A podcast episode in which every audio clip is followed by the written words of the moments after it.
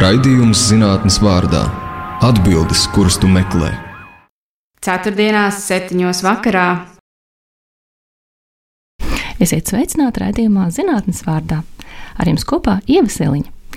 Mēs visi vēlamies dzīvot pārticībā. Valstī, kur viss ir labi mierīgi, kur procesi sakārtoti un viss ir pieejams, sākot no medicīnas pakalpojumiem, izglītības, līdz pat labam ceļu tīklam un ielu apgaismojumam. Un viss ir sakārtots un brīnišķīgs. Mm, un ir pašsaprotami, ka pārticīgs valsts ienākumi veidotos no spēcīgas, mūsdienīgas ekonomikas uzņēmumiem, kas um, maksā nodokļus. Tā pašā laikā speciālisti ekonomikai rodas no kvalitīvas izglītības. Šie speciālisti spēj radīt vērtību, darboties digitāliem rīkiem, tapināt jaunas inovācijas. Jā, teorijā, bet šeit ir tik daudz neskaidrā reālajā dzīvē. Kāda tieši ir nākotnes ekonomika, kā iegūt inovācijas, un kas galu galā ir tā kvalitīvā izglītība, ko tas viss nozīmē mums un kas ar to būtu jādara. Par to mūsu šodienas saruna. Šodienas raidījuma viesis ir jaunais zinātnieks un kvalitātes vadītājs Mikls Dubītskis. Mikls ir biznesa, mākslas, tehnoloģija augstskolas arī seba kvalitātes vadītājs. Rīgas Tehniskās Universitātes pētnieks un docents, arī nesen aizstāvēja savu promocijas darbu - tehnoloģijas pārneses vadīšanas risinājumi uzņēmumu augsmē Rīgas Tehniskajā Universitātē. Tātad rādījuma zinātnes vārdā viesi šodien ir Mikls Dubītskis. Labdien! Labdien, sveicināti klausītāji! Sveiks, Mika! Kā tu nonāci šajā inovāciju kvalitātes jomā? Nu, jāsaka, lai gan jomas ir atšķirīgas, tomēr noteikti pārklāšanās arī tur ir. Sākšu varbūt ar kvalitātes jomu. 2008. un 2009. gads senāki klausītāji, nu vismaz tikpat veci kā mēs, un, un vēl vecāki noteikti ļoti labi atcerās šo ekonomiskās lejupslīdes laiku, krīzes laiku. Ekonomisti ar to labi atcerās. Jā, nu, es strādāju šobrīd ar, tā skaitā ar studentiem, kam, teiksim, ir 20 gadi, un viņiem varbūt ne tik labi, jā, nu, tas, kā, kā tur īsti tas bija, viņi to tā neizjūta. Nu, es tajā laikā biju studijās, un, un studijas jau gāja uz beigām, un Un, uh, faktiski uh, tas nenoteiktības laiks, protams, bija diezgan liels šoks, jo es arī no, no, no, no, no, no bērnības dienām uh, biju nu, jau, jau jaunietis, jau, jau nedaudz pāri tam vecumam, bet nu, tā pirmo reizi saskāros ar tādām šāda veida arī problēmām. Ko tas dzīvē nozīmē? Nu, tajā laikā pat neatalgotu praksi bija diezgan grūti atrast, bet man, protams, ka saka, nu, tā mm, vēlme un pieeja un, un, un tas, ko es un kā darīju, eh, bija gana labs, lai Latvijas energo mārketinga daļā mani praksē ņemtu. Tajā brīdī es studēju koledžā, tā ir pirmā līmeņa augstākā profesionālā izglītība. Bet, lai turpinātu darba gaitas, man teica, nē, nē, nu, vismaz bakalaura grādu noteikti vajag. Nu, tad, tad skaidrs. Aizsūtīju tevi atpakaļ uz universitāti. nu, protams, nebija jau tā, ka es nebūtu gribējis to darīt, bet tas bija nu, skaidrs, skaidrs virziens, ka, ja tu kaut ko gribi, nu, tad vismaz bakalaura grādu vajag sevišķi tajā laikā. Nu, protams, turpināju studijas un neko daudz citu nevarēju darīt. Bija darbinieku atlaišanas pastāvīgi, kā minēju, jau pat praksi bija grūti atrast tajā laikā. Līdz ar to mm, meklēju, kur iesaistīties, kaut ko gribējās darīt, un tas bija studentu organizācijas. Un, Izklausās ļoti jautri. Kāpēc strādāt, ja varbūt ar studentiem? Jā, nu, un nu, tā arī sākās diezgan, ja varētu to saukt par karjeru. Tajā brīdī tā tas nebija domāts, bet šajā kvalitātes jomā tieši studiju kvalitātes, ārējā kvalitātes vērtēšanā. Kaut kas nozīmē, ka mūsu klausītājs students, kurš varbūt domā par karjeru, tu saki, ka viņam ir jāiet uz studentu organizāciju? Obligāti. Kāpēc? Nu, tā pieredze būs neatsverama. Būtībā es, eh, es ceru, ka šobrīd man eh, darba vietās, kur es strādāju, kolēģi neklausās, bet es, bet es redzu, ka tiešām eh, vienai daļai būtiski noderētu tās studentu pašpārvalžu Latvijas studentu apvienības laikā tādas prasmes, ko tur varēja iegūt savstarpējā komunikācijā, komandas darbā, motivācijā un tā tālāk un tā joprojām. Iespējams, arī kontakti, vai ne? Vai tas palīdz? Pilnīgi noteikti tas kontaktu tīkls ir uh, fantastisks. Jā. Bet atgriežoties uh, pie stāsta, uh, tad uh, sāku darboties ārējā kvalitātes vērtēšanā, gan tepat Latvijā, gan ārvalstīs. No Ko nozīmē ārējā kvalitātes vērtēšana? Tūlīt. Trīs svešvārdi. jā, no sākuma mēs kā studenti piedalījāmies kā novērotāji. Taču tad izcīnījām pilnvērtīgu eksperta statusu un arī atlīdzību. Ja? Un te jau arī parādās uh, tas aspekts, ka tas bija ne tikai teikt, aizraušanās, bet arī, arī kaut kāda nauda nopelnīt. Ko nozīmē ārējā kvalitātes vērtēšana? Nu, studiju jomā, augstākajā izglītībā. Tātad visi šodien studenti, kas studē, viņi cer uz diplomu, uz valsts atzītu diplomu. Viņi pat paļaujas uz diplomu. Jā, jā. Nu, un būtībā lielākajā, lielākoties, lielākajā daļa gadījumu viņi arī šo diplomu dabūs praktiski visos gadījumos. Jo jāsaka arī, ka pēdējos gados nu, jau kādu laiku arī tādas, kas teiksim, bija tādas šaubīgākas augstskolas Latvijā, tās ir arī aizslēgtas. Bet, protams, hipotētiski iespēja pastāv, ka uh, kāda studiju programma, kādi studiju virzieni varētu nebūt akreditēti, vai ir kaut kāda akreditācijas starplaikā, un problēmas varētu būt tādas. Bija arī 2013. gadā, kad bija pārējai no programmu uz virzienu vērtēšanas, un tad bija studenti, kas bija palikuši bez diplomiem, jo tur bija process nedaudz iekavēts. Tā kā tas ir iespējams. Jā, nu, un tātad, ko nozīmē šī ārējā kvalitātes vērtēšana? Tā ir eh, nu, kā, eh, darbība, process, kurā ārēji eksperti, tie, kas eh, nestrādā konkrēti augstskolā, tā skaitā arī no ārvalstīm, tā skaitā arī studenti pārstāvis, viņi vērtē, kā tad, nu, vai tā programma ir gana laba, vai studiju virziens, vai augstskolā ir resursi, kādi ir uzstādītie mērķi, sasniedzamie studiju rezultāti, kā tie tiek sasniegti. To šajā procesā teikt, pārbauda Ja? Un, attiecīgi, ja tiek piešķirta programmai un studiju virzienam kopumā akreditācija, tad arī tiek saņemts valsts atzīta diploms. Tāpēc šī ārējā kvalitātes vērtēšana un arī akreditācijas lēmums, tas patiesībā studentiem ir ļoti būtisks. Um, šis jaunais cilvēks, kurš varbūt um, tikai apsver iespēju kaut kur studēt, kas viņam būtu jādara, kā viņš var pārliecināties, ka tiešām šis diploms būs un būs vērtīgs un teikt, palīdzēs tālākai karjerai? Jā, nu es uh, gribētu mazliet nomierināt klausītājus. Es tā varbūt izteicos iepriekš, ka kādā var arī nebūt. Nu, tas ir uh, diezgan retos gadījumos. Mm, akreditācija jau parasti visdrīzāk programmās, kas tiek piedāvātas, būs, jo tam uh, seko arī teiksim, līdz vēl citas iestādes, kā izglītības kvalitātes valsts dienests, lai nebūtu kāda pārkāpuma, tā skaitā informācijas sniegšanā. Nu, tātad, proti, normālā gadījumā augstskolā mājaslapā pie katras studiju programmas būtu jābūt informācijai par šo akreditācijas termiņu. Ja gadījumā nevar redzēt vai nevar saprast, kā tur ir noteikti ar augstskolu, eh, var un vajag sazināties, lai noskaidrotu, kā ir ar šo termiņu. Eh, var būt situācijas, ka parādās, piemēram, ka termiņš eh, tagad kaut kad beidzās, vai ir eh, nesen beidzies, un radās jautājums, eh, noteikti vajag painteresēties.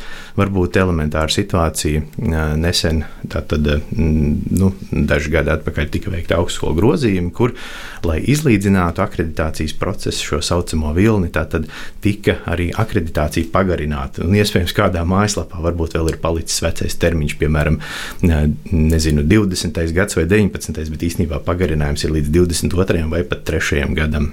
Um, šāds process notiek arī visās citās um, Eiropas valstīs, vai ne? Vai visā pasaulē?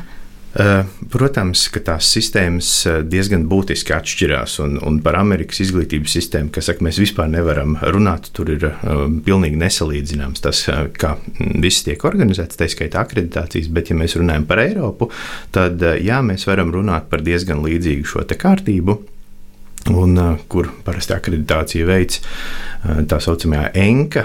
Ekar uh, reģistrā esošas aģentūras, kas ir arī kvalitātes zīme. Tas nozīmē, ka arī šīs pašas aģentūras tiek vērtētas, ka arī viņas labi prot organizēt novērtēšanas un akreditācijas procesu. Kāda ir pieredze vērtēšanās ārvalstīs?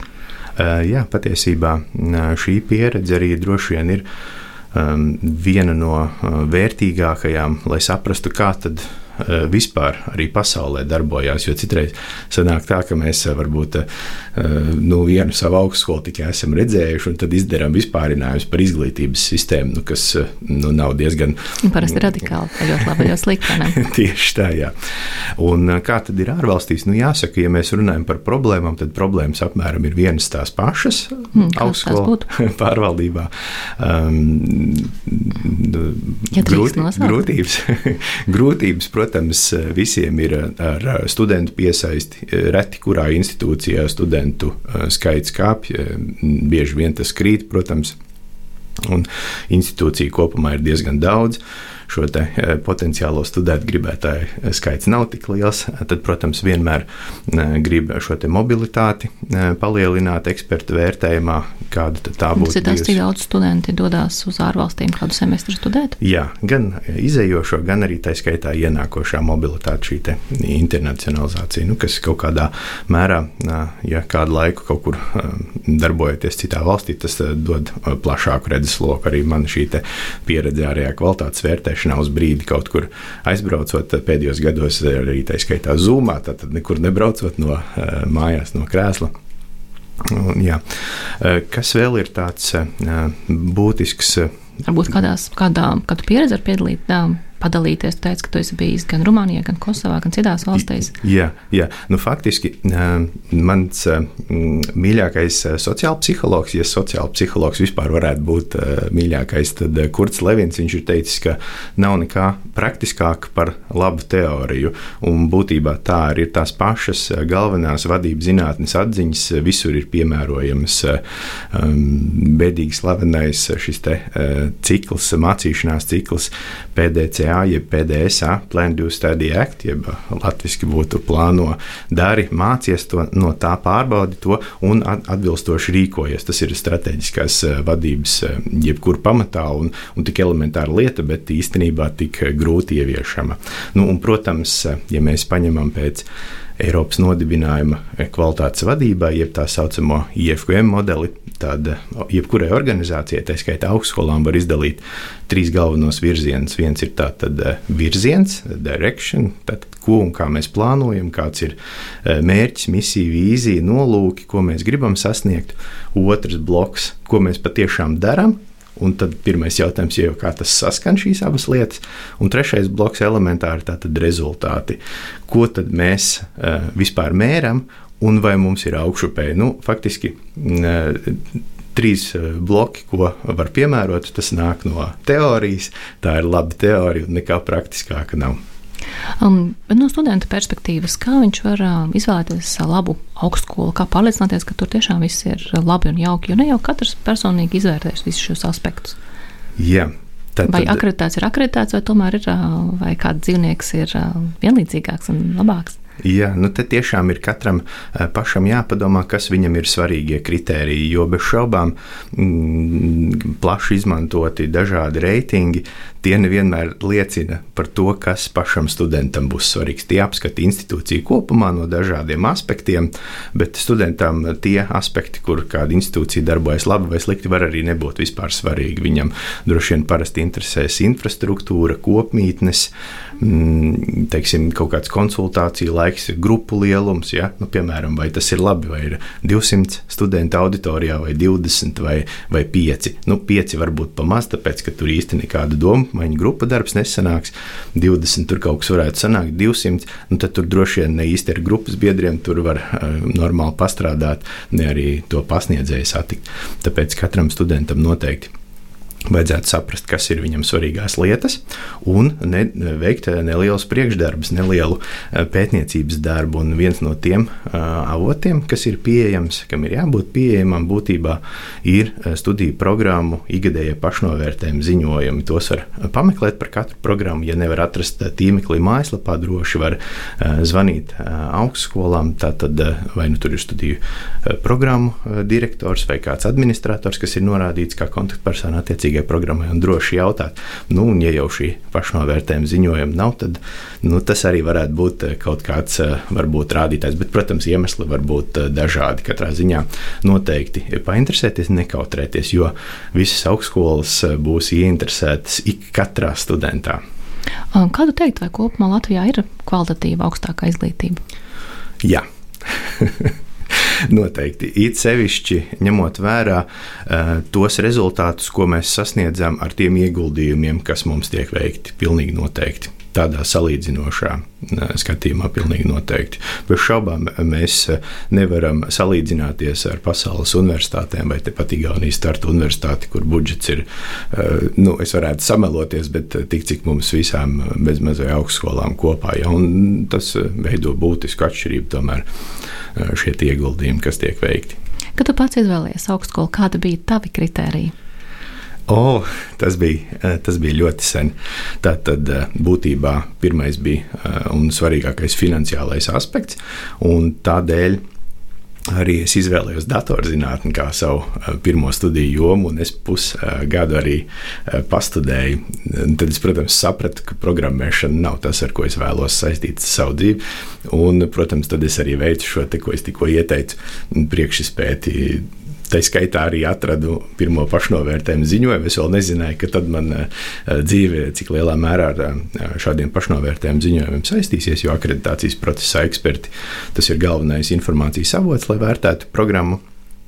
Un, eh, Jā, nu, tā tad finansiālais aspekts, nu, protams, šobrīd liekas diezgan smieklīgi, bet kādā citā augstskolā nepaliku tādēļ, ka kopmītnē vietas nebija. Ja? Nu, tā tieši tik, eh, tieši nu, tik primitīvi. Kā dzīve. Uh, nu, jā, un veicot kārtīgāku izpēti, jā, tad jau mm, bija studijas koledžā, kur mārketingu un reklāmu apgūvu. Šis ir raidījums zinātnes vārdā. Ar jums kopā ir Ievseliņa. Viesos mums šodien ir jaunais zinātnieks un kvalitātes vadītājs Mikus Dubickis. Iepriekš runājām par augstāko izglītību, tostarp par to, cik Latvijā ir laba augstākā izglītība, bet tālāk gribētos parunāt par kvalitāti. Miku, tu esi kvalitātes vadītājs arī Sebā. Nu, stāsti, ko tāds kvalitātes vadītājs īsti dara, ko tas nozīmē? Jā. Tā tad um, augstskolās uh, kvalitātes vadība kā funkcija bieži vien varētu būt uh, nenodalīta atsevišķā amatā. Tas varētu būt visdrīzāk studiju prorektora pāraudzībā, bet tās augstskolas, kuras īpaši pievērš uzmanību kvalitātes vadībai, arī ir izdalījuši šādu amatu. Nu, būtībā augstskolā arī sebi šis ir arī uh, vadības grupas uh, nu, sastāvā. Tad darbojamies mēs uh, kopā septiņi cilvēki. Un, ko nozīmē ikdiena? Uh, es konkrēti uh, pāraugu kvalitātes vadību ieviešu iekšējo kvalitātes vadības sistēmu, jo sistēma nekad uh, nav ieviesta, tāpat kā Rīga nekad nebūs gatava. Um, tātad uh, strateģiskā uh, līmenī, un, protams, ir struktūra vienība, kur mēs nodarbojamies ar dažādiem jautājumiem. Nu, es varbūt nosaukšu tādus interesantākos, kas ir papildus tiem, ko parasti varbūt citi dara, jo es, piemēram, nezinu nevienu citu augstskolu, kura būtu definējusi e-studiju vidē prasības, kas ir jāsasniedz, kā jāizskatās studiju kursiem izvietotajiem mācību spēka fotoattēlam, materiāliem, kādā apjomā, kā jāizkārto un tā tālāk. Es domāju, ka mēs esam diezgan unikāli ar šo. Jo izlēmām pirms kāda laika šo pieredzi, kas bija tālmācības formā, ieviest visās pilna un nepilna laika studijās. Nu, tas varētu būt kaut kas tāds interesantāks. Vēl mēs veicam studējošo vērtējumu objektivitātes monitoringu. Ja? Tātad skatāmies, lai Eh, patiešām eh, netiktu vērtēts pa zemu vai pa augstu, lai eh, vairāk vai mazāk būtu šis normālais sadalījums. Jo nu, tā, tad, tā ir mm, sastāvdaļa, kā mehānisms, lai pārliecinātos, ka definētie studiju rezultāti tiek sasniegti. Nu, tā tad arī adekvāti novērtēti. Nu, protams, vēl ir daudz dažādi mehānismi, ko mēs darām. Droši vien par katru es nepastāstīšu, bet jā, būtībā tā tad kopumā kvalitātes vadībā mums ir gan šis operatīvais darbs, eh, gan strateģiskais darbs. Nu, bez šaubām Mēs eh, skatāmies arī, kā apliecināt to, ka mums eh, kvalitāte ir, ka mums ir laba kvalitātes vadības sistēma ar dažādām akreditācijām, papildus jau eh, tai, kas ir Latvijas nacionālā akreditācija. Mums tātad ir dažām programmām tā saucamā EFMD akreditācija, tiecamies uz ESISB akreditāciju, ieviešam iepriekš minēto IFQM modeli un tuvākajos gados arī plānojam certificēt, ka darbojamies pēc šīs sistēmas. Un kāda izskatās tā iekšējā kvalitātes sistēma? Ko tas nozīmē normālam cilvēkam vai studentam augstskolā? Normālam studentam droši vien pirmais, kas nāk prātā, ka viņam ir iespēja aprunāties, paust uh, savu viedokli, viņš tiek uzklausīts un viņš saņem skaidru atbildi. Ja, tad šī te, m, mm, sūdzība priekšlikuma procedūra, kurai būtībā katrā augstākās izglītības institūcijā ir jābūt, ir kaut kas tāds, kas man pirmais nāk prātā. Un mums, piemēram, tātad, ja nu ir šādi gadījumi, un, protams, uh, uh, studiju procesā ir arī nu, dažādi risinājumi jautājumi, tad students iesniedz savu priekšlikumu vai, vai, vai problemātisku aspektu, saņem atbildi. Ja viņš nav apmierināts, viņš var tātad turpināt līdz tiek rasts visām pusēm pieņemams risinājums. Nu, un, protams, studentiem ir jāizmanto arī citas iespējas, kā iesaistīties kvalitātes vadībā, tā skaitā studentu pašpārvaldē, tā skaitā dažādās lemēju institūcijās, piemēram, augstskolas senātā. Un papildu šim darbam, tu lasi lekcijas studentiem, vai ne? Jā, nu jau ar studentiem jāsaka, ka strādāju pavisam nedaudz. Kādreiz tā bija lielāka mana dzīves sastāvdaļa, bet tas tomēr ir ļoti, ļoti laikietilpīgi un, lai to darītu kvalitatīvi, ir jāsabalansē. Un es šobrīd vadu nodarbības jaunajā Riseba sporta vadības maģistra studiju programmā. Biznesa modelēšana un inovācijas? Tieši tā. Un uh, strādāju uh, ar uzņēmējdarbības vadības studentiem, uh, bakalaura studentiem Rīgas Tehniskajā universitātē. Tur mēs apgūstam sociālo dialogu un arī tā skaitā nedaudz interešu pārstāvniecību, lobēšanu. Man ir palicis iespējas, ka tu šajā ietvaros spēlējies ar LEGO.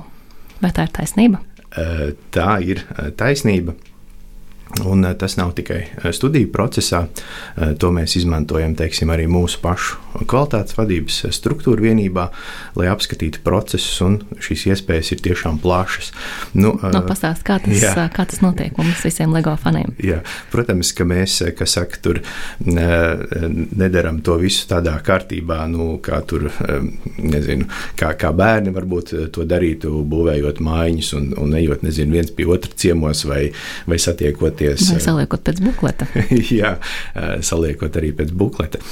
Mēs pavisam ar citu nolūku LEGO vienkārši izmantojam kā praktiski ļoti labu instrumentu, lai ilustrētu procesus. Ja, jo mēs varam zīmēt pie tāfeles, mēs varam vienkārši runāt, skatīties prezentācijas, bet uzmodelēt Eh, simulēt eh, vidi ar LEGO. Mēs varam pilnīgi uzskatām redzēt eh, viens otru, šīs te telpas, kā procesi darbojās, kā savstarpēji tie ir saistīti.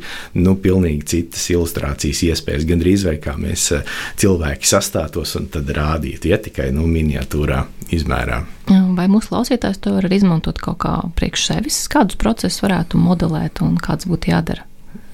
Nu, tas droši vien atkarīgs no klausītāja, kāds viņam ir nolūks, bet uh, pavisam noteikti, ja mēs, uh, piemēram, mums ir kāda prāta vētras sesija par to, varbūt kādu biznesu uzsākt, tad LEGO šeit ļoti labi noderēs. Bez šaubām, te ir jāņem vērā, ka nepietiks vienkārši ar LEGO un ar vēlmi. Tātad noteikti ir jābūt kādiem ietvariem no teorijas vai tas pats Osterwalder biznesa modeļa audeklis, kas ir droši vien vien visbiežāk izmantots, vai kādas citas pieejas, vai varbūt kāda integrēta, sintēzēta pieeja. Nu, tas ir arī tas, ko maģistra studijās man eh, studenti dara. Mēs tātad jau mācāmies šo integrāciju, vienu modeli, otru, eh, trešo liekot kopā, paskatoties, vienā ir viena elementa, otrā otra, tad ir tādi, kas pārklājās, nāk arī kādi jauni klāt un kas arī ir jāņem vērā.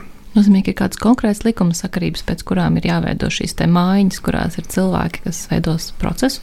Uh, Nu, Tā arī varētu teikt, bet varbūt ne, ne, ne gluži pilnībā. Nu, LEGO ir vienkārši sekot rīks, lai ilustrētu tās mūsu domas, lai parādītu labāk mūsu domas, bet uh, tas galvenais faktiski būs kāds uh, teorētiskais ietvers, kas ir jāizmanto. Ja mūsu klausītājiem ir doma par varbūt uzņēmējdarbības uzsākšanu, ko tu ieteiktu? Ko es ieteiktu? Tiem, kas grib uzsākt uzņēmumu, tad eh, nu, vispirms eh, sirdī eh, droši vien, vai sirdī un prātā abos divos, kā nu kuram, kas kuram prevalē, var būt dažādi. Citreiz arī mēs nezinām, kad ir sirds vai kad ir prāts. Bet uh, jāsaprot, uh, cik liels tas mērogs būtu, ko tas uh, cilvēks grib sasniegt. Jo dažam labam gluži labi būs mairažošana, kādam tas būs mazais vai vidējais bizness.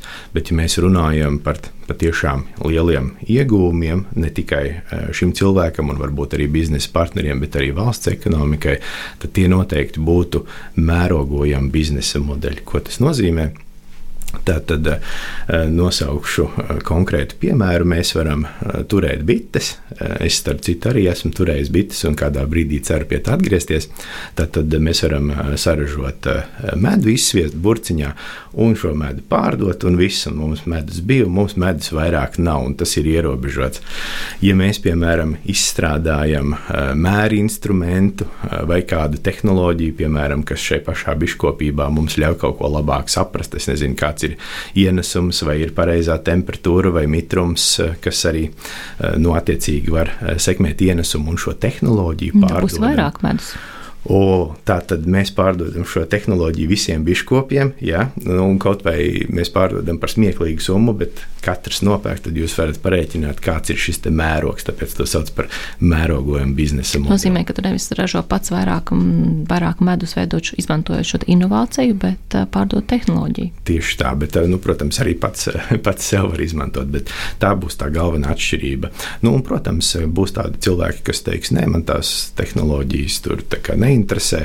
Es labāk tur savas piecas eh, medus burciņas, un viss man būs labi. Un tas arī ir labi, jo eh, bez šaubām cilvēks ir pats sev radījis darba vietu, varbūt vēl kādam kaimiņam, kas arī ir labi. Bet, ja runājam par ekonomiku kopumā, tad eh, mērogojamie biznesa modeļi, un tas faktiski ir tā rupi sakot, arī vienīgais veids, kā mēs varam augsmi panākt, jo mēs nevaram mūžīgi griezt izdevumus, tur ir ierobežojumi, bet mēs varam pelnīt vairāk un mērogojamie biznesa modeļi ir tas veids. Varētu būt atslēga, vai ne? Stāsti, ko studenti apgūst um, sociālā dialoga klasēs?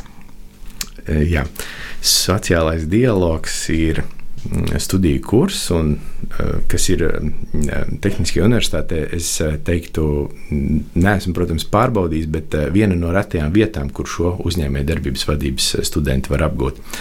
To izveidojām kādus gadus atpakaļ, lai varētu piešķirt uzņēmumu vadītāju kvalifikāciju. Nu, un vadītājam bez šaubām ir jāprot eh, runāt eh, gan ar eh, darbiniekiem, veidot darba ņēmēju, darba devēja attiecības, gan pārstāvēt savas intereses uz ārpusi. Nu, tad mēs skatāmies dažādas komunikācijas aspektus. Mans konkrētais kurs eh, lielā mērā ir saistīts ar ārējo vidi, tādā ziņā, ka apmēram pusi no satura veido tieši vieslektori no darba ņēmēju organizācijām, no darba devēju organizācijām. Nu, atkarībā no nu, kādi nu, profesionāļi ir atrodami interešu pārstāvniecībā, lobēšanā, kas ir gatavi padalīties ar savām zināšanām. Mūsu klausītājiem, kas būtu tā, tā, tāds padoms sociālā dialoga jomā, ko tu dotu? Nu, man pašam personīgi liekas viena no vērtīgākajām lietām, ko mēs apskatām manipulācijas kontekstā. Bet manipulācijas ne tādā sliktā nozīmē, kā tagad manipulēt ar citiem, bet kā atpazīt mūsu pašu spriešanas kļūdas un kad kāds cits manipulē ar mums. Nu, piemēram, var nosaukt viena no visbiežāk izplatītajām, kā saka, kā studenti citreiz testā raksta, ka mums piemīt, ja, tā tad apstiprināt risinājums spriešanas kļūda, angļuiski confirmation bias. Un, un tas ir tas, ka mums ir tieksme meklēt un atrast to informāciju, kas apstiprina jau mūsu pieņēmumus, bet eh, nevienmēr tie mūsu pieņēmumi ir tādi, kas kaut kādā mērā šo realitāti arī raksturo. Tie var būt mm, vairāk vai mazāk greizi. Nu, tā tad svarīgi ir atpazīt un saprast, vai gadījumā neesmu iekritis šajā lēmumu pieņemšanas slazdā. Nu, protams, ja mēs tā skatāmies eh, globāli, eh, tas nav slikti, ka mums eh, šādi nu, teikt, aizspriedumi domāšanā veidojās. Tas ir tīri bioloģiski, tas sauc par heiristikām, domāšanas izceļi. Mums tātad, nu, piemēram, ir briesmu gadījums, mums ir ātri jāpieņem lēmums, mums nav daudz laika analizēt, domāt. Mēs atceramies, ka tīģeris bija slikts. Jā, tā tad tad, tad vai, nu, vai nu jākaujās, vai jābēg, vai kaut kas tam līdzīgi. Bet nu, šī domāšana mums arī pāriet uz citām jomām, un tad, ja ir kaut kur kaut kas vairāk pāranalizējams, tad būtu ieteicams to arī darīt. Tas mums noteikti varētu palīdzēt. Par domāšanu runājot, ikdienā strādā ar visu šo teoriju, par inovācijām, visu jauno, kā būtu jābūt. Kā ar tevi pašu? Vai tu arī tā teikt, izmanto pašu jaunāko, jaunākās tehnoloģijas, inovācijas, vai tomēr ir mazliet stāsts par kurpnieku bez kurpēm? Dažreiz noteikti, dažreiz noteikti bet, bet es skatos, jā, kas ir tas, kas varētu mm, uzlabot ikdienu. Kā reiz aizkadrā mēs runājām par šo vienu no rīkiem, kas ir planšeti, tūlīt papīram, un, un, un tāda plānā ir paskatīties. Jā, bet, bet īstenībā, nu, ja man būtu jāieliek pēc inovācijas difūzijas, vai es esmu pie šiem inovatoriem 2,5% vai, vai beigās ir, nu, kā saka, latviski viens no tulkojumiem tūļus, ja, nu, tad es kaut kur pa vidu droši vien, varbūt, varbūt drusku vairāk sākumā, bet nē, es varētu būt tas kurpnieks, jā, protams. Konservatīvs cilvēks, vai ne? Drīzāk konservatīvs, jā. Šis ir raidījums zinātnes vārdā. Jums kopā ir ievasiliņa. Viesos mums šodien ir biznesa, mākslas un tehnoloģija augstskolas Riseba kvalitātes vadītājs Mikls Dubītskis. Iepriekš runājām par kvalitātes vadību, tagad gribētos pastīties, ko mums sola nākotne. Par nākotnes ekonomiku parunāt. Mika, man ļoti patika, kā tu esi raksturojis savā disertācijā, un es citēšu. Informācijas sabiedrība, datu ekonomika, digitālā ekonomika, koplietošanas ekonomika, zināšana ekonomika, uz zināšanām balstīta ekonomika, mācīšanās ekonomika un inovācijas ekonomika. Tas patiesībā ir tik patiesi, šīs visas lietas tiek piesauktas un šķiet, ka jā, tā ir. Bet kā tad neapjukt šajās daudzajās nākotnes ekonomikās, ko tas īstenībā nozīmē un ko mums sagaidīt? Jā, kura tad īsti ir tā ekonomika? Ja dati, It kā jau visas ir vai, vai ne? zināšana, vai inovācijas. Nevienu nevar noraidīt.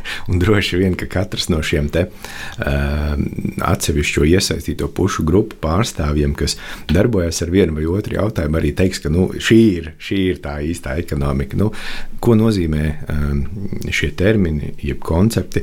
Būtībā tās ir sociālas konstrukcijas, ko izmanto, lai raksturotu kādu ideju, un tās nav savstarpēji izslēdzošas izņemot dažus gadījumus, nu, piemēram, par to, eh, kas ir galvenais ekonomikas virzītājs spēks. Kāds teiks zināšanas, kāds teiks inovācijas. Ja? Nu, tad, tad, Bet inovācijas rodas no zināšanām. Jā, nu, tad, tad, protams, tās ir eh, patiesībā savstarpēji eh, saistītas lietas. Un, jā, bet, nu, tas eh, galvenais, kas varētu būt, eh, ko šobrīd eh, izmantot, un, un faktiski mēs arī Latvijā varētu teikt, bet, protams, tas nav attiecināms uz visām pasaules valstīm, jo daudz kur tomēr arī būs joprojām ražošana kā galvenais ekonomikas virzītājs spēks. Tur, mm, kas saka, līdz inovācijām vēl drusku ir ko darīt, mums varētu būt, vai, vai arī precīzāk mēs uz to tiecamies, un inovācijas, jeb jauninājumi varētu būt mūsu ekonomikas virzītājs spēks. Tā būtu zināšanās bāzēta ekonomika vai inovācija? Inovācija ekonomika? Tā būtu inovācija ekonomika, bet arī, ziniet, tas definīcijas katrā avotā var nedaudz atšķirties. Tādēļ varbūt, ja studenti, kas klausās un jūs atrodat pretrunīgu informāciju, kādreiz meklējot, tas ir labi. Tad jāraksta nav... ekonomika, kurā ir gan koplētošana, inovācija, zināšanas, dati un globālās, globālās Jā, lietas. Un galvenais atsaukties uz avotiem, ja tas, ja jūs atrodat pretrunas, tas ir, kas saka, tam ir uzreiz zinātniska vērtība, ko tālāk jau risināt ir atrasta uh, problemātika, tāpēc no tā baidīties nevajadzētu. Bet arī, ja izmantojam kādu terminu, vienmēr tad paši saprast, uh, ko mēs ar to domājam. Kā tev pašam šķiet, uz ko iet um, mūsu pasaules attīstība, kāda būs nākotnes ekonomika? Nākotnes ekonomika noteikti būs daudzveidīga. Jo būs attīstītākas valstis, mazāk attīstītas valstis. Prognozē, ka šī plājas palielināsies? Uh, nu, diemžēl, jā, neatceros autoru, bet uh, kurš teica, ka nabagie kļūst nabagāki un bagātie bagātāki. Nu, diemžēl, diemžēl tas, nu, sauksim to par spirāles efektu, tas patiešām tā ir. Un, un ekonomika jau būtībā ir vienkārši par resursu pārdali Nu, tātad, kurš tad dabūs vairāk vai, vai, vai kurš dabūs mazāk, jo nekas jau no kā nerodās. Ja nauda arī mums ir tikai tāda eh, nu, mērvienība šai eh, saražotajai vērtībai. Tātad nu, kopumā mums ir šis te, eh, nu, teikt, vērtības apjoms, un mēs vienkārši kā mēs ar to apvaināmies. Tad mums, nu, piemēram, mūsu valstī ir jādomā, kā mēs varam piedāvāt lielāku vērtību lielākam patērētāju lokam, nu, tā tad attiecīgi pārdot uz āru un, un paši arī nu, kļūt eh, turīgāki. Jo tas ir droši vien tas spirāls lokus, kurā mēs gribam ielikt, kļūt bagātāki, nevis nabagāki. Un ko tavs pētniecības darbs ir pierādījis? Kas mums ir jādara, lai mēs kļūtu bagātāki? Vismaz tādā uzņēmuma līmenī. Ne tikai uzņēmumi, faktiski jebkuras organizācijas, un, un, un, un pašam man šo stāstu jau klausoties, kā es stāstu kādam citam, īstenībā mēs varam redzēt, ka to var attiecināt arī uz uh, pat individu, ne tikai organizāciju. Bet tad, kas ir uh, svarīgs, uh, ko es uh, disertācijā konstatēju? Un, uh, jāsaka, ka es piegāju disertācijā diezgan drosmīgi, jo tas. Uh, pētījuma jautājums, faktiski pēc būtības, vai ārējo zināšanu, tehnoloģiju apguve palīdz ieviest inovācijas. Nu, es tam visam vēl papildus arī paskatījos, vai inovācijas palīdz sekmēt uzņēmumu augsmi, vai šī apguve palīdz sekmēt augsmi, un kas savukārt ir tie faktori, kas palīdz veicināt palīdz. šo apguvi. Jā, Un, un par laimi izrādījās eh, šajā gadījumā, ka palīdz. Kāpēc es saku par laimi? Nu, jo, ja eh, nebūtu, nepalīdzētu, tad eh, atšķirībā no vienkārši zinātniskās publikācijas disertācijā vajag arī kādas izstrādnes, un tad droši vien man šis pētījums būtu nedaudz ilgāk tāpis. Bet tā tad, nu, kas ir svarīgi? Ja uzņēmuma augsmi sekmē inovācija, jeb jauninājumu ieviešana, kas ir ļoti būtiski šeit, ka tā kā jau arī statistikā dati tiek vākti un kā arī Latvijas Investīcija attīstības aģentūra vērtē, ka tātad, ja tas ir jaunums jau tikai šim uzņēmumam vai organizācijai, tad jau uh, uzņēmums augsme tiek uh, sekmēta. Nu, caurmērā, ja, protams, tas ir tāds uh, vispārināts uh, lielums, kas no, negarantē. Jā, varbūt kaut kas ļoti mazs un kaut kas uh, ļoti liels un revolucionārs. Protams, protams, jā, bet šajā gadījumā uh, disertācijā parādījās tas, ka neobligāti vajag būt uh, revolucionāriem šiem risinājumiem, lai jau uzņēmuma augsme tiks, tiktu sekmēta. Uh, bez šaubām nākamais uh, aspekts aspekts, ierobežojums, ka inovāciju m, mm, ieviešanas rezultāti arī neatspoguļojās uzreiz. Un, protams, bija jāņem vērā šis te, nu, pētījuma mm, periods, un tāpēc varbūt arī netik labi parādījās tas, nu, kāda ir šī novitātes tieši līmeņa sakarība ar augsmi. Ja pētījums ilgtu um, nu, kādas varbūt 5, 7, 10 gadus, tad iespējams arī tur kaut kāda sakarība parādītos, bet nu, tas jau būtu uh, jauns pētījums. No otras puses, gan valsts jau būtu ieinteresēta arī lielākās un tiešākās inovācijās, vai ne? Uh, neobligāti nevienmēr uh, tirgus uh, iegūms ir šī te, uh, revolucionārā ideja. Faktiski mēs varam vēsturiski pat paskatīties, ka dažkārt inovācijas ir bijušas par ātru. Un tad tikai mm, pēc piemēram, kādiem grūti, grūti man šobrīd būs nosaukt piemērus, bet, bet tādi noteikti ir bijuši. Citreiz ir paiet pat 20 vai 50 gadi, līdz teiksim, sabiedrība vai, vai kādas organizācijas ir gatavas šiem jauninājumiem, revolucionāriem. Tāpēc tas ne nebūtu tas, uz ko obligāti vajadzētu koncentrēties. Tā katrai inovācijai savs laiks, tu saki? Pilnīgi noteikti. Pilnīgi noteikti. Un, ja mēs runājam tālāk par to, kas tad mums palīdz ieviest inovācijas, tā tad neapšaubāmi jaunu zināšanu tehnoloģiju apguve no ārpuses. Tātad no ārpuses mēs saprotam ārpus šīs kādas organizācijas sienām.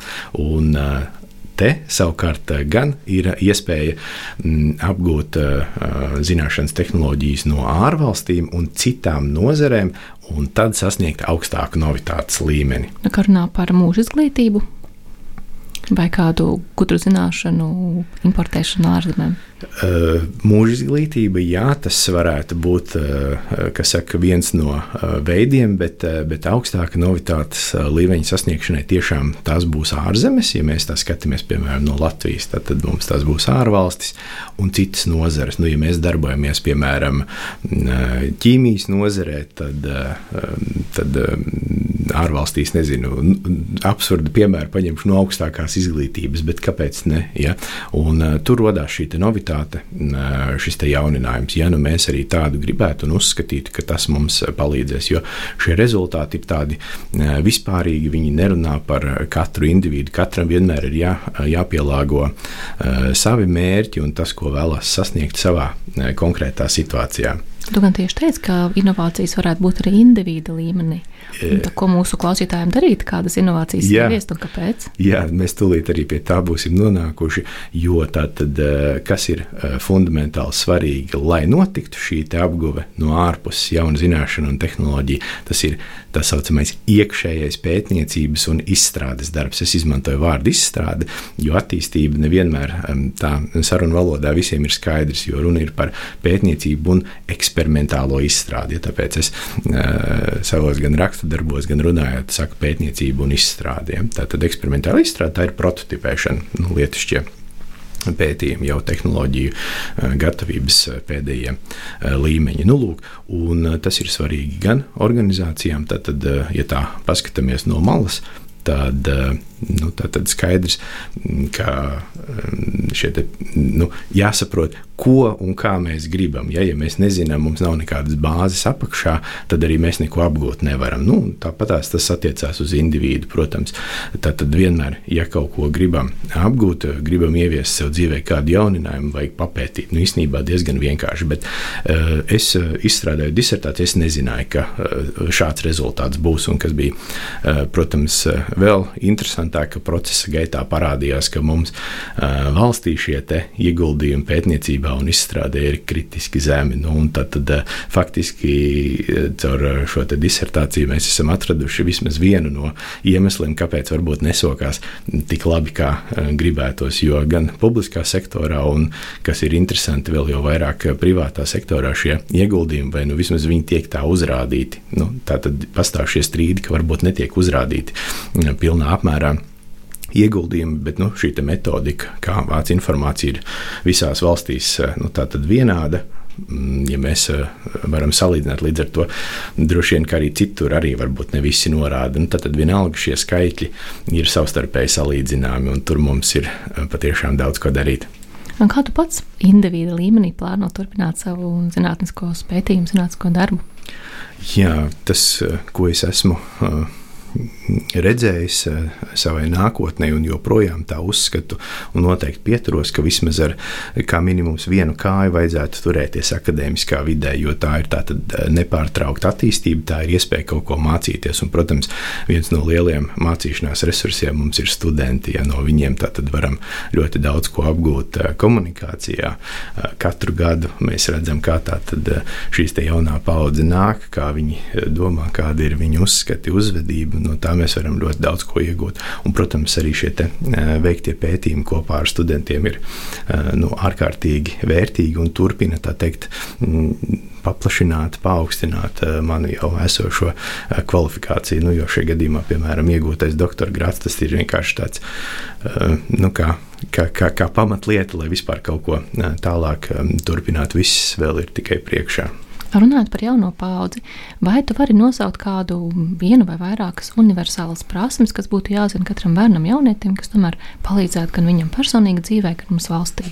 Nu, vai digitālās lietas, programmēšana, vai tās STEM prasmes, kā šobrīd populāri runāt? Kā tev um, šķiet? Um, bez šaubām, digitālās prasmes ir ārkārtīgi svarīgas. Te katram ir jāsaprot, uh, cik uh, tieši Eh, nu, teikt, dziļi eh, viņš vēlās eh, šajā visā iet, bet bez šaubām mēs bez digitālās vidas nekur. Un, un lielā mērā tieši šobrīd, nu jau kādu laiku, mēs varam pat veidot biznesu būtībā tikai digitālā vidē. Mums fiziski nav nepieciešama ne vieta, ne produkti, un, un tur arī šie mērogojamie biznesa modeļi var parādīties. Mm, runa par programmēšanas valodu vai runa par um, prasme lietot digitālās aplikācijas.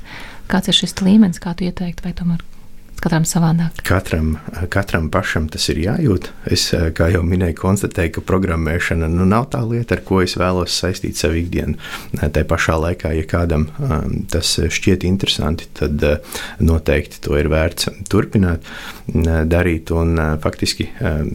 Pat ja kādam ir sapnis, varbūt veidot kaut ko savu, noteikti var un vajag arī pievērsties, piemēram, programmēšanai, jo mēs varam paskatīties, kādi tad nu, šie te tehnoloģiju grandu lielo uzņēmumu pasaulē dibinātāji, viņi ir faktiski no programmēšanas sākuši. Tikko tieši ir Netflixā palaists par Spotify izveidošanu seriāls The Playlist ļoti iesaku noteikti visiem, kam kaut kas šāds varētu interesēt. Ļoti interesants stāsts. Kādas inovācijas tu sagaidi nākotnē? Es kā, es kā indivīds droši vien, uh, droši vien sagaidu, uh, lai tās inovācijas arī varbūt uh, netraucē dzīvi. Jo citreiz, citreiz mums vecākiem paliekot, gadiem ejot, mēs gribam mierīgāk, bet, bet tās inovācijas viņas rada šo ārējo vidi straujāku, dinamiskāku. Mēs vairs nespējam izsekot, ja mēs tagad varam, nezinu, atvērt TikTok un, un, un stundas var paiet, ka mēs tur šķirstam. Ja? Tāpēc nu, tas ir tas viens aspekts, ka noteikti tām inovācijām viņām vajadzētu mums arī nu, palīdzēt atslēgties no vidas. Un sevišķi es domāju, ka tas ir svarīgi bērniem, kuri vēl varbūt tā nespēja paši uh, saprast, nu, tad, cik daudz kam vajadzētu veltīt laiku. Jo mēs bērnībā uh, pavadījām visu dienu ārā, uh, spēlējoties, uh, nezinu, braucot ar riteni. Es nesaku obligāti tagad vajag bērnus sūtīt ārā un datoru vispār neizmantot, bet uh, šo balansu ir diezgan grūti atrast, kad viss ir pieejams, viss ir iespējams, un tas esos, esošais saturs tas nav pat nav pat apgūstams. Nu, tā tad viens ir, lai netraucē dzīvot, bet lai uh, palīdz mums dzīvot, un, protams, uh, palīdz ekonomikai. Nu, tādas jauninājumus es sagaidītu. Kā tev pašam ir dzīves un darba balanss? Izdodas ievērot?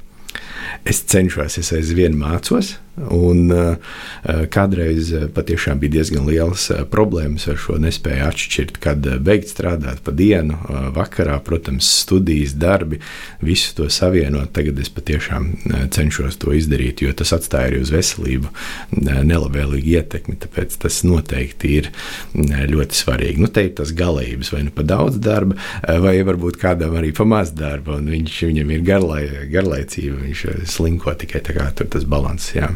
Nobeigumā, ņemot vērā visas šīs nākotnes tendences, ko tu novēlētu mūsu klausītājiem? Es, protams, novēlu, lai katram piepildās tas, ko viņi novēl paši sev, un lai ir prieks no tā, ko dara. Paldies!